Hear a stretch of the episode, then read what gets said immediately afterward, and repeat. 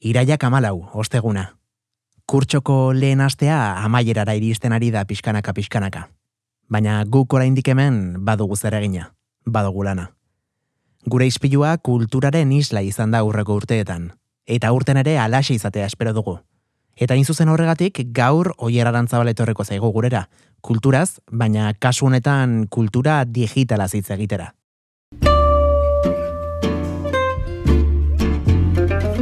Horren aurretik baina bizikleta hartu eta Santelmo Museora joango gara. Bertan murgilduta, emeretzigarren mendeko donostia ilustrazio bitartez hobeto ezagutuko dugulako. Ispilu beltza, asier rastirekin.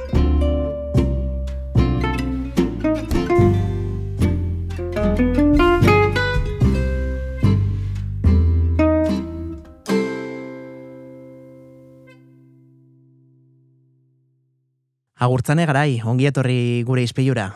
Eskerrik asko eta estimatzen da, gonbitea. Beno, tira, e, klima ideal, udako kartelak du izena usteiaren batean abian jarri zenuten erakusketa, Santelmo Museoan, e, udara amaitu da, baina oraindik ere urriaren amabosta bitarte, bai donostiarrek eta baita, bueno, donostia kanpoko herritarrek aukera izango dute, ezta? Zuen erakusketa oraindik e, ikusteko, bisitatzeko. Bai, alaxe da, esan duzun bezala, udako erakusketa izan arren, urrira bitartean egongo da ikusgai, bai. Agurtzane, Donostiako Santelmo Museoko erakusketa oso anitzak, oso koloretsuak izaten dira, eta kasu honetan, ez dakit, zer aurkitu genezakeen bertan? Kasu honetan e, kartelak dira, ikusten denak, eta e, e, ikusten den karteloien bitartez oso ondo ulertu daiteke, daiteke gure herriko ilustrazioaren e, bilakaera. E, bueno, e, ez genuke esparru ezberdinak betetzen dituela erakusketa honek. Eta in zuzen erakusketa honetan, emeretzigarren mendetik aurrerako kartelak e, ditugu ikusgai, eta horietako asko agurtzane, aipatu beharra dugu donostiako udaletxe edo erakunde publikoek e, sustatutako lehiaketetatik e, eratorriak direla, ezta bai parte hartzaile izan zirenak, eta baita ere e, lehiaketa horien garaie. A ber, ez denak, eh? ez denak. Berez, emeretzigarren eh, mendea erdialdetik esan dezakegu donostiak eh, lortu nahi duela bizitarientzako hiri moderno eta erakargarri bat bihurtzeka. Eta hor badago prozesu bat, eh? turismoari lotutako prozesu bat, eh? nortasun bat eraikiz. Eta eh, paraleloan ere badago esango genuke ibilbide grafiko bat, guzti hori nola adieraziz. Hasierako kartel hoiek, emeretzigarren mendeko eh, kartel hoiek berez, e, ekimen pribatutik sortutako kartelak dira. Uh kasino handia, edo zezenketak, edo Espainiako iparralde burdin biden kompainiak esate baterako, kartel ezberdinak egiten zituzten donostia saltzeko, eh? eta oso erakusketan oso argi ikusten da estiloa ere oso berezia dutela, ez dira e, donostiarako sortutako kartelak, baizik eta nahiko e, kartel ez dakit nola esan, internazionalak dira, beste toki batzuetan ekoizten direnak, eta bar, eta bar. Baina gero, apurka-apurka, e, badago, badago bilakaera bat, eta beti izaten danez, hogei garren e, amarkada da gure kartelgintzaren urrezko geita, hogei hogeita marra amarkadak dira urrezko gara jori. Eta horretan ere, ez gaude bakarrik, e, alde batetik, e, internazional maila, nazioarte mailan ere, diseinuak hor badoka bultzadan di bat.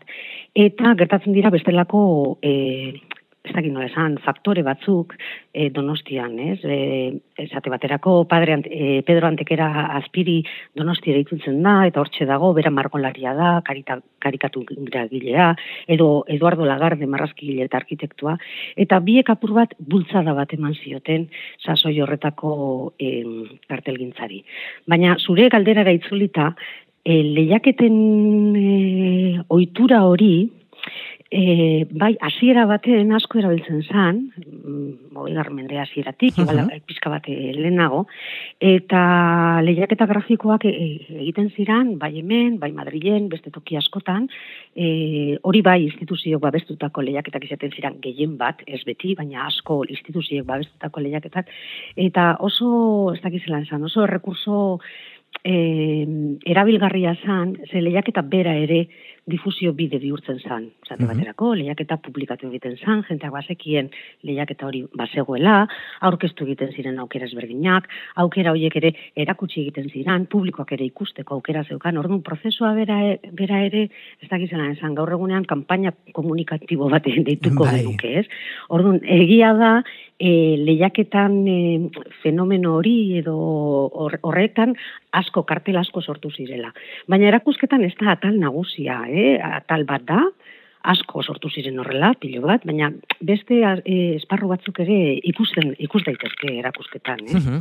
Erakusketa honetan gehien bat Donostiarekin erlazio zuzena duten ekitaldien eta bueno, ba, gaien inguruko obrak eh, ikusi genitzake, baina aipatu beharra dugu Zarautz eta Irun bezalako eh, herri eta hirien kartelak ere topa ditzakegula bertan, eh, agurtzan ez dakit, eh, nongoak eh, ziren garaiko ilustratzaileak, hemen Donostiarrak berak, eh, Euskal Herritarrak ala, ala nazioartekoak. Ba, danetarik dago. danetarik dago, eta lehen aipatu dituzun lehiaketa horietan eh, esate baterako oso argi ikusten da, ez? Batzuk bertakoak bakarrik aurkezten direla, eta gero ba, beste batzuk ere agertzen direla.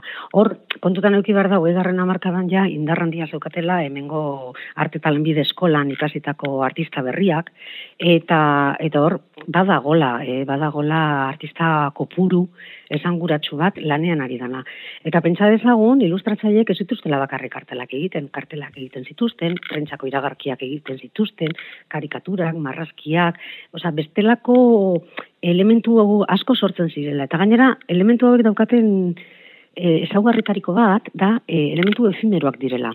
Asko, iria saltzeko dira, baina beste asko ekitaldi bat saltzeko. Ez dakit, ba, kasin, gran kasinoak antolatzen zuen e, afari bat, edo, edo euskal jaiak, edo berandoago aldin bada, ba, ez dakit zinemaldia, jasaldia, eta horrelako e, elementuak saltzeko erabiltzen ziren e, rekurso bat zan, ez? Kalean jartzea, ba, eta guztiek e, begibistan eduki dezatela. Orduan oso elementu efimeroa da, asko egiten ziran, eta askotan egun bateko ekitaldirako egiten zen e, lana da. Orduan hor, esango genuke elementu ezberdinak daudela, ez? Badaudela e, sortzaileak, baina baita ere behar hori duen giro bat eta eta inguru bat. Eta Donostia, noski, Donostia oso garrantzitsua izan zen, ze berak hor badauka esango genuke borondatezko e, alegin bat egiten duela, baina horrez gain badaude baita ere e, Gipuzkoan, ba beste beste hainbat e, beste hainbat tokitan egiten diren lanak. Eta askotan donostian lan egiten duten artistek ere beste tokietan egiten dute lan, ez? Txikidera, ez dakit burura etortzen zaiteren bertan, donostian e, oso asko aritu zana, baina inguruko, inguruko herrietan ere bai, ez? Eta erakusketak berez badauka atal bat, hiruburutik arago deitzen dana, aratago deitzen dana, eta, eta bueno, guztien adibide txiki bat adierazten duena. E, pentsa dezazu hemen, ez dakizen badiran kopuruz, eh? baina egongo dira berroun da, berroi tamar piezatik gora daude. Eta erdia kartelak, eta gero baba daude, ba, esku horriak, eta bestelako elementu bitxiak. Niri behintzat, e, erakusketaren inguruan e, izugarri gustatu zaidan e, ezaugarrietako bat izan da ba, nola kartel eta obra guzti horiek ikusita ba, denboraren joana ere bueno, ba, mm, zuzen zuzenean ezta? E, sentitu genezake e, bai narratibuki eta baita teknikoki ere. Ilustrazio aldetik e, teknika eta korrontez berdinak ere murgiltzen hasten direlako gurean eta baita iria e, bertako herritarrak eta e, bertako folklorea beste gauza askoren artean bueno, ba, kontatzeko era hori ere aldatzen dijo alako.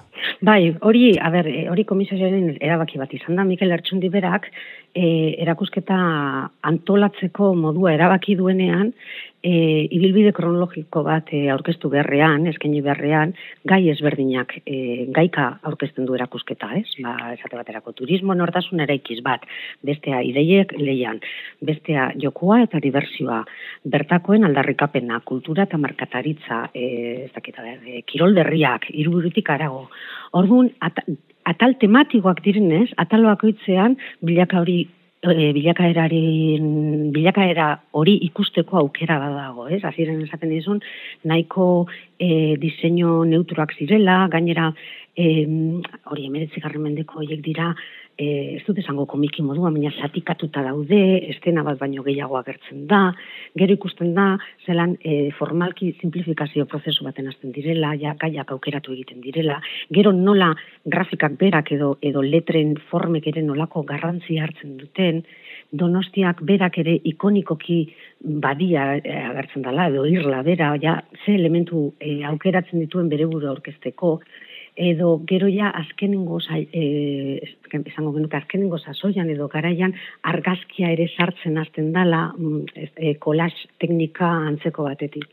Gero ja e, berez argazkigintza hasten danean eta edatzen danean, orduan ja kartelek e, euren funtzioa e, galdu egiten dute, esango genuke estiloa ja beste bide batetik doala, ez? La, azken berrogei, berrogei tamar urteetan ja kartelgintza beste hildo batetik doa, ez? Galtzen du apur bat, orain arte ikusitako ibilbide hori. Baina, aibatzen duzu bezala oso kuriosoa da ikustea, e, gai batean, zein modu ezberdinetan asaltzen dan gai berdina, artista ezberdinen eskutik, eta baita ere garai ezberdinen isla, ez? Eta, ez da, oso kuriosoa da esate baterako beste gauza bat, ez? Oso ondo ikusten da eta honetan. Emakumaren irudia. Emakumea asko agertzen da e, iria saltzeko. Baina emakumea agertzeko modu hori ez berdina da. Ez da, pues eran olako kapelak eta loran kapelak eta eta eguzkitakoekin eta olakoekin, ez? Eta gero, ba, ondartzan edo, edo beste, beste itxura batekin. Baina emakumea ikusten da publizitatean, asko erabili izan da e, reklamo badala edo rekurso badala. Ba, tira, azken minutu hauetan aipatu ditugun gai guztiak eta askoz gehiago urriaren amagostera bitarte izango duzue ikusgai klima ideal udako kartelak izena duen erakusketan. Santelmo Museoa puntu eus atarian sartu ezkero ere bertan e, erakusketa honen inguruko bisita gidatuen informazio guztia eskuratu izango duzue. Bisita gidatuak gogoratu euskaraz eta gaztelaniaz e, eskura ditzakezuela. Eta tira, agurtzane garai, eskerrik asko gure ispilura gerturatzagatik eta espero dugu jendea eh, animatzea oraindik azken aste hauetan bazuen erakusketaz gozatzera. Eskerrik asko zuei. Ispilu beltza. Astelenetik ostiralera Donostia Kultura Irratian edo Denadelako podcast plataforman.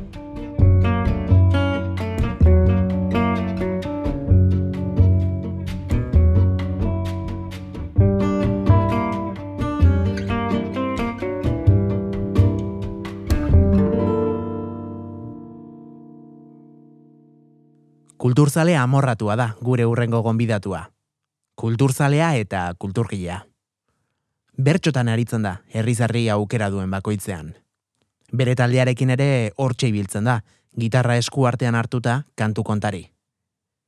Biluzemetrai eginak ditu gizasemeak, baita hainbat eh, podcast eta soinu fikzio ere.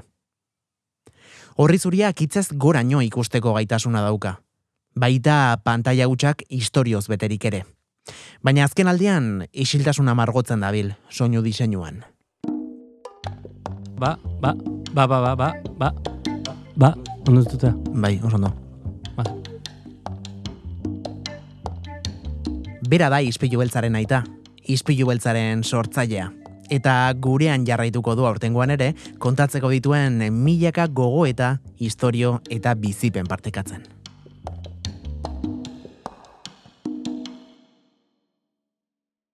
Hau bai, hau bereziki arraro egiten zait, ongi etorri oier, gure izpilura.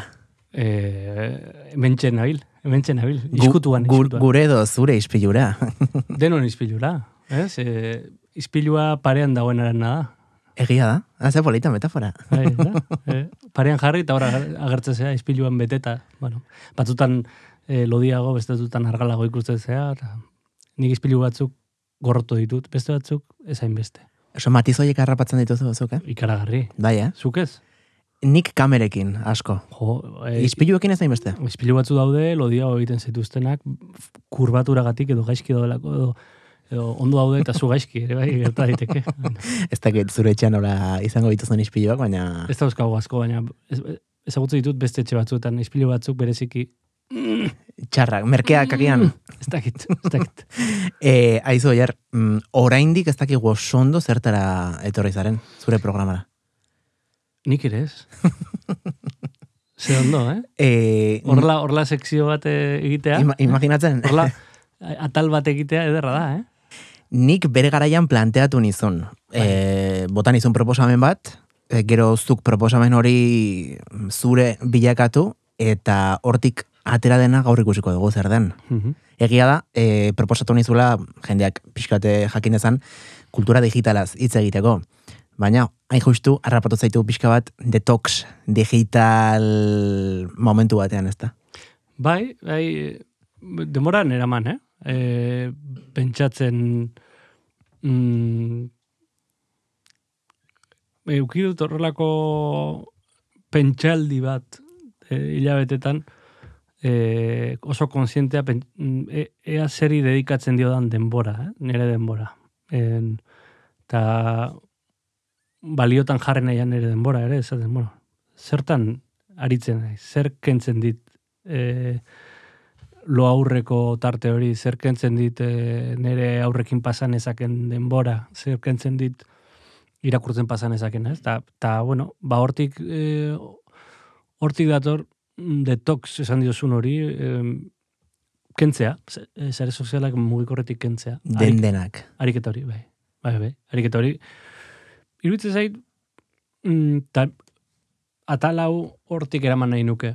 Iruditzen zait, eh, mm, denbora asko igarotzen dugula sare sozialetan, eta sare sozialak gainera ja daudela beste fase batean. Esan nahi dut, eh, nik gogoratzen dut Twitterren hasi nintzenean, ez? Zui Twitter berria zenean, ere, Mhm.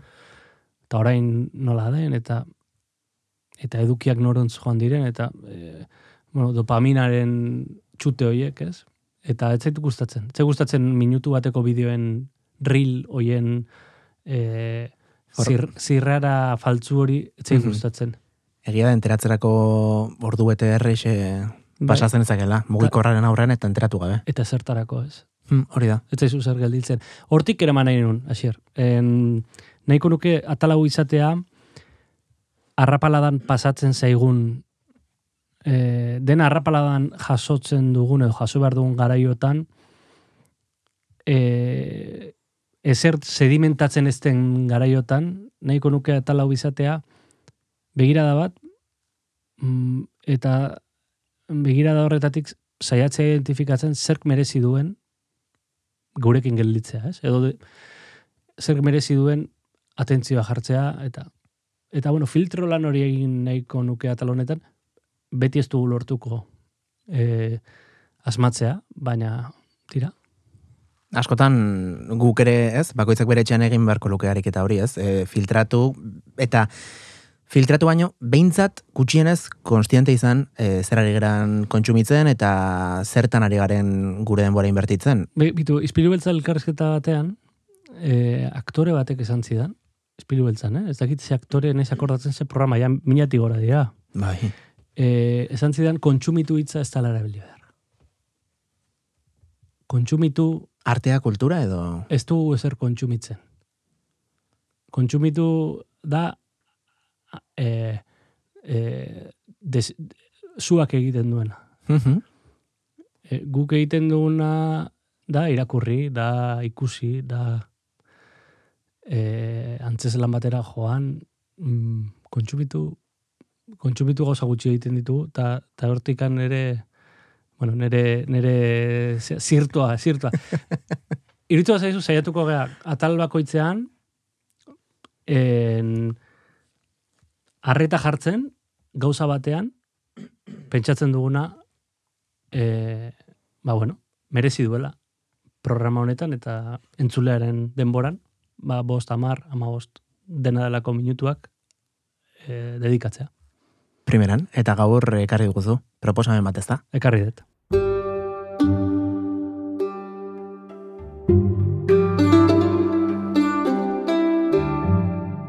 Begira, gaur ek- ekarri dut podcast bat, en, susmoa dut podcast asko ekarko ditu dala. Ez dakigu zerratik. Ez dakigu zerratik. e, baina gaur ekarri podcast bat bereziki polita iritu zaidana. Eta aipatzen ari garen e, gaiarekin ere, zeharka bada ere, eta lizentzia pixkatekin, zer ikusia daukana. Mhm. Mystery Show izena du. Mystery Show. Mystery Show. Ingeleraz. Ingeleraz, bai. Eta Starly Kind da e, podcast hau egiten duen, egin zuen e, emakumea. Mhm. Ze, arraro egiten zait, sei kapitulu baino ez ditu. Ah. Ez dakit zergatik, Starly Kindek ez duen jarraitu podcasta egiten 2000 eta amabostekoa da podcasta, alegia ba, ba bueno, podcastak estanda egin ostekoa, ber, bertakoa estatu batuetan, eta premisa oso ederra du. Kapitulu bakoitzean, Starly Dust honek jasotzen du persona baten misterio bat. Persona batek argitu ezin duen zerbait. Vale. Baina, misterio hori ezin du argitu pertsonak, eta ezin da argitu interneten bidez. Saretik ezinezkoa da argitzea. Osea, sarea ezin da erabili eh, tresna moduan. E, Erabili daiteke, baina ez duzu misterioa argituko, saretik. Wow. Hori da, e, ez da sarea ezin dela erabili, ez erabili ezakezu, baina ez duzu argituko sarea, sarearen bitartez ezinezkoa da argitzea misterio hori. Ba, gauza gutxi eh, etortzen zaizki burura, eh?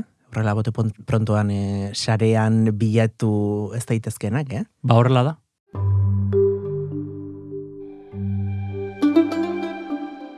Eta agian, hobeto lertzeko, eh, adibidea jarriko izut, zer iruditzen. Oso ondo?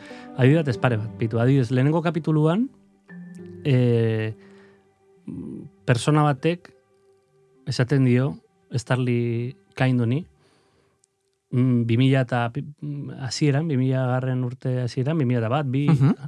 New Yorkeko e, Tribeca auzoan joan zela bideo bat alkilatzera, bideoklub batera, ze gauza da. e, vintage. Bai, o- oso oleskola. Bueno, atzokoa, eh? Atzo bertakoa. Eta pelikula ikusi zuen, Mhm. txera eraman zuen, pelikula ikusi zuen, e, palamitekin, eta lo egin. Eta hurrengo egunean, itzuli zen, tribekara, bideo hori, le, pelikula hori, e, itzultzera. Eta ez zegoen bideoklubik. Desagertu zen bideokluba.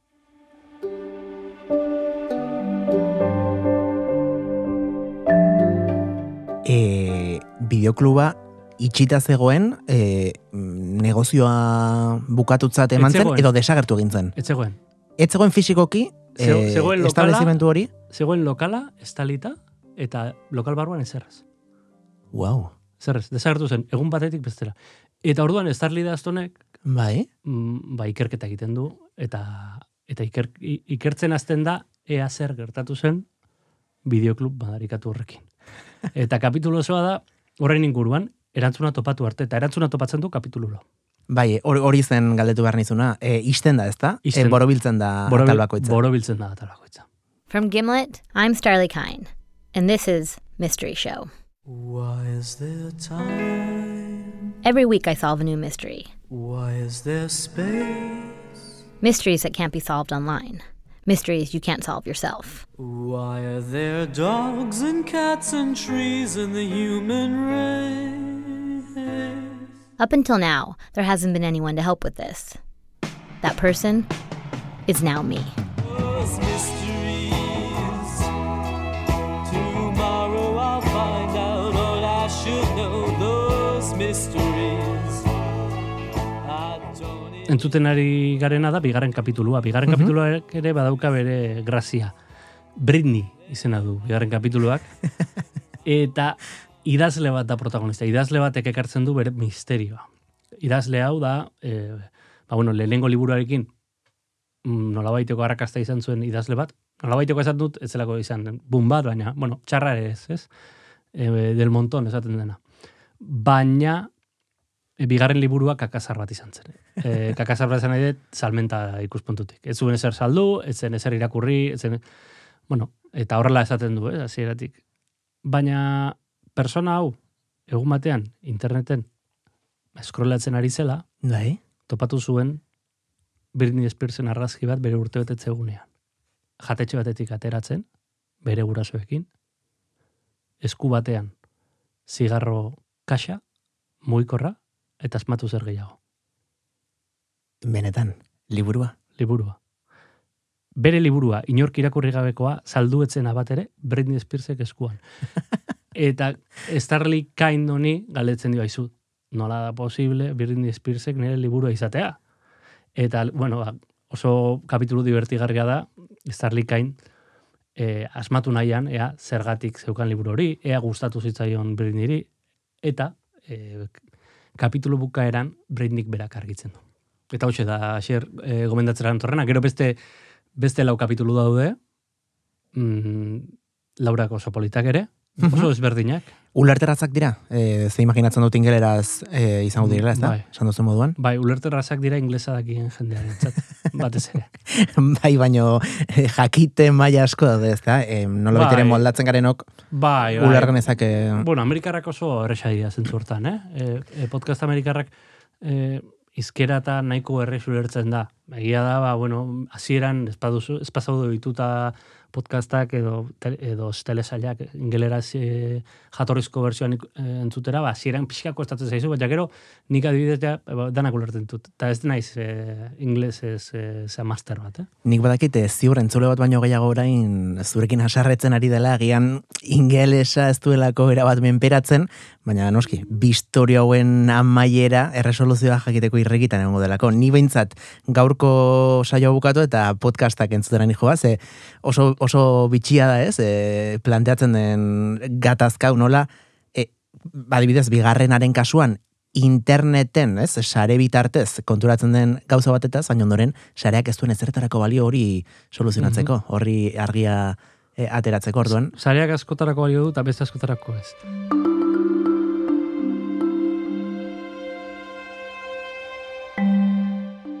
Asier, hau da proposatzera natorrena. Aztotan e, e, nola ere sarearekin harrapatu dugu e, podcast hau, eta bota diogu pesa bat gurekin gelditu dadin, eta denborak, denbora dedikatu die egun, eta datorren azten beste bat. Ba, oiarran zabal, eskerrik asko, gure etortzegatik eta eta horrengo astean gehiago eta beto. Aio?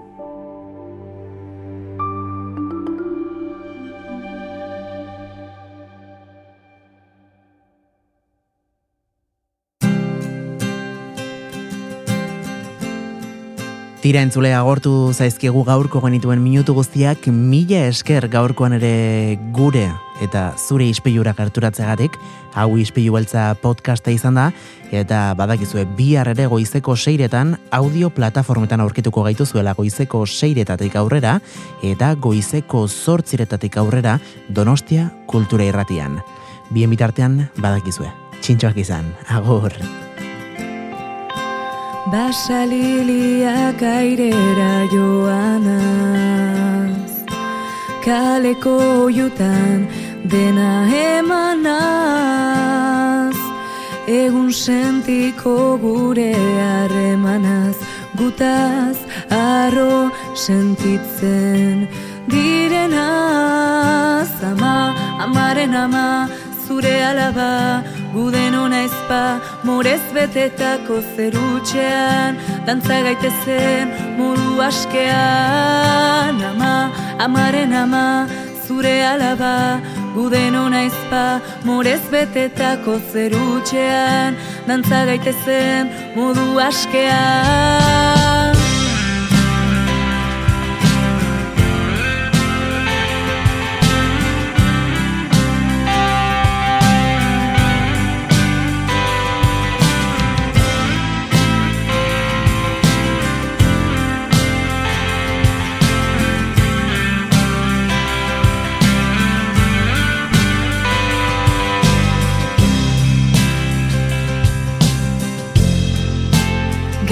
Gara jartako sorginen esanaz Oiuka ezagun gu geugarenaz Jantzi gaitezen libreki esanaz Ez importa prakaz edo gonaz. Ama, amaren ama, zure alaba Guden ona izpa, morez betetako zerutxean Dantza gaitezen modu askean